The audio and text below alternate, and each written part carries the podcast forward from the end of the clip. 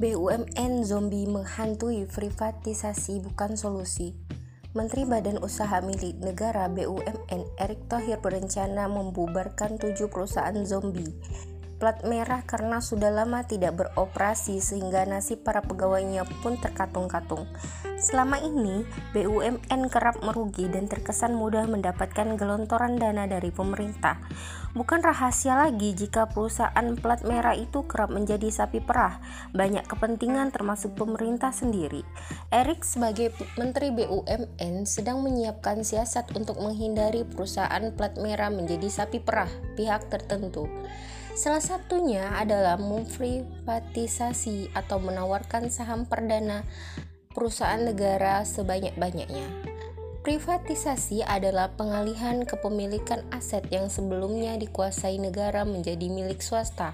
Penerimaan pendapatan itu diiringi dengan kehilangan kepemilikan aset yang nilainya sangat tinggi, apalagi jika pembelinya adalah asing, bukan sekedar labanya yang tidak masuk kas negara, tetapi juga ketika merepatriasi labanya dapat menguras devisa. Ketika aset-aset terjual, akibatnya negara akan sibuk mencari sumber-sumber pendapatan baru.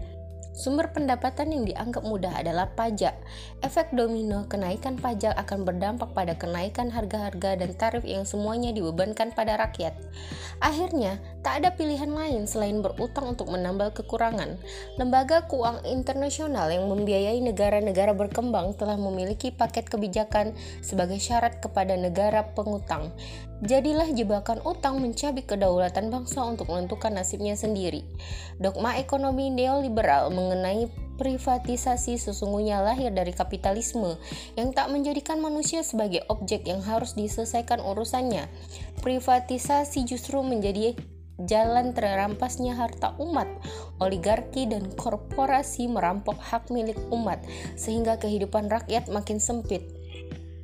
Begitulah derita hidup dalam sistem demokrasi kapitalisme.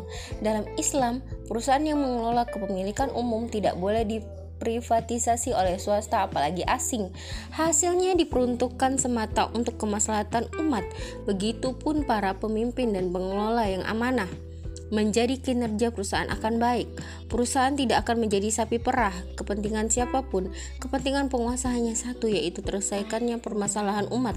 Oleh karena itu, permasalahan BUMN bukan sekedar teknis buruknya pengelolaan, melainkan lebih mendasar dari itu, yakni tata kelolanya yang neoliberal. Untuk menyelesaikan secara tuntas harus mengubah tata kelolanya menjadi tata kelola yang dituntut syariat bukan barat.